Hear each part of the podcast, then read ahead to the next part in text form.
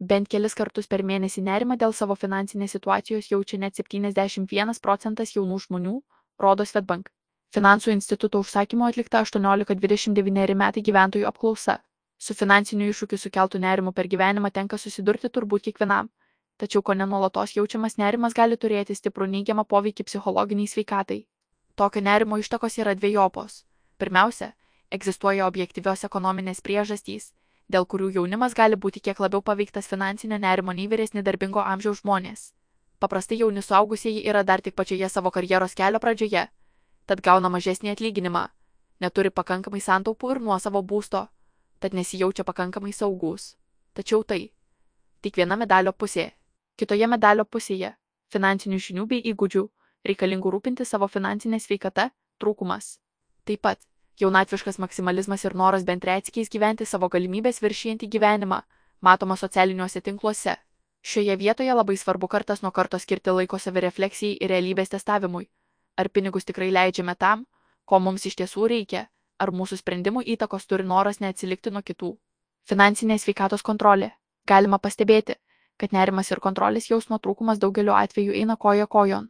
Visiems pažįstamas jaudulys prieš pirmą pasimatymą, egzaminą, laukiant tolimos kelionės ar svarbių žinių, pradedame nerimauti dėl neatliktų darbų, arba darosi neramu, kai suabejojame savo gebėjimais. Taip pat ir su finansinė sveikata. Nerimą jaučiame tuo met, kai nesame tikri, ar mūsų turimų lėšų pakaks iki kito atlyginimo, ar tam nepasirengusių mūsų neištiks finansiniai netikėtumai. Tad nors daugelio aplinkybių, pavyzdžiui, ekonominių sviravimų, mes negalime kontroliuoti, galime valdyti savo išlaidas. Mat mūsų finansinė sveikata priklauso ne tik nuo pajamų ir kainų lygio, bet ir gebėjimo planuoti biudžetą. Dažnai iš jaunų žmonių girdžiu. Netikrinu savo sąskaitos likučio, nes nenoriu pamatyti, kiek išleidau. Tačiau neanalizuojant išlaidų ir neplanuojant jų, net ir padidėjus pajamoms vis pritrūksime pinigų. Todėl nerimo mažinimui ir geresniai finansiniai sveikatai užtikrinti yra itin svarbu susidaryti asmeninį biudžetą ir jo laikytis. Miegoti ramiau turint finansinę pagalbę. Ne ką mažiau svarbi finansinės sveikatos dalis yra taupimas. Atsidedami savo pajamų dalį pirmiausia galime sukaupti finansinę pagalbę - lėšų rezervą, kuris užtikrins finansinį saugumą netikėtai sumažėjus pajamoms arba patyrus didesnių neplanuotų išlaidų. Vertėtų turėti sukaupus bent 3-6 mėnesius išlaidų sumą, tuomet galime būti ramesni, kad net ir laikinai netekus pajamų galėsime savimi pasirūpinti. Dar pandemijos pradžioje Svetbankų sakymo atlikta apklausa parodė, kad būtinybė turėti finansinį rezervą buvo įvardyjama kaip svarbiausia tuometinėmis aplinkybėmis išmokta pamoka. O tai tik pagrindžia, kokia svarbi yra finansinė pagalbė norint vengti streso ištikus ekonominiams netikėtumams.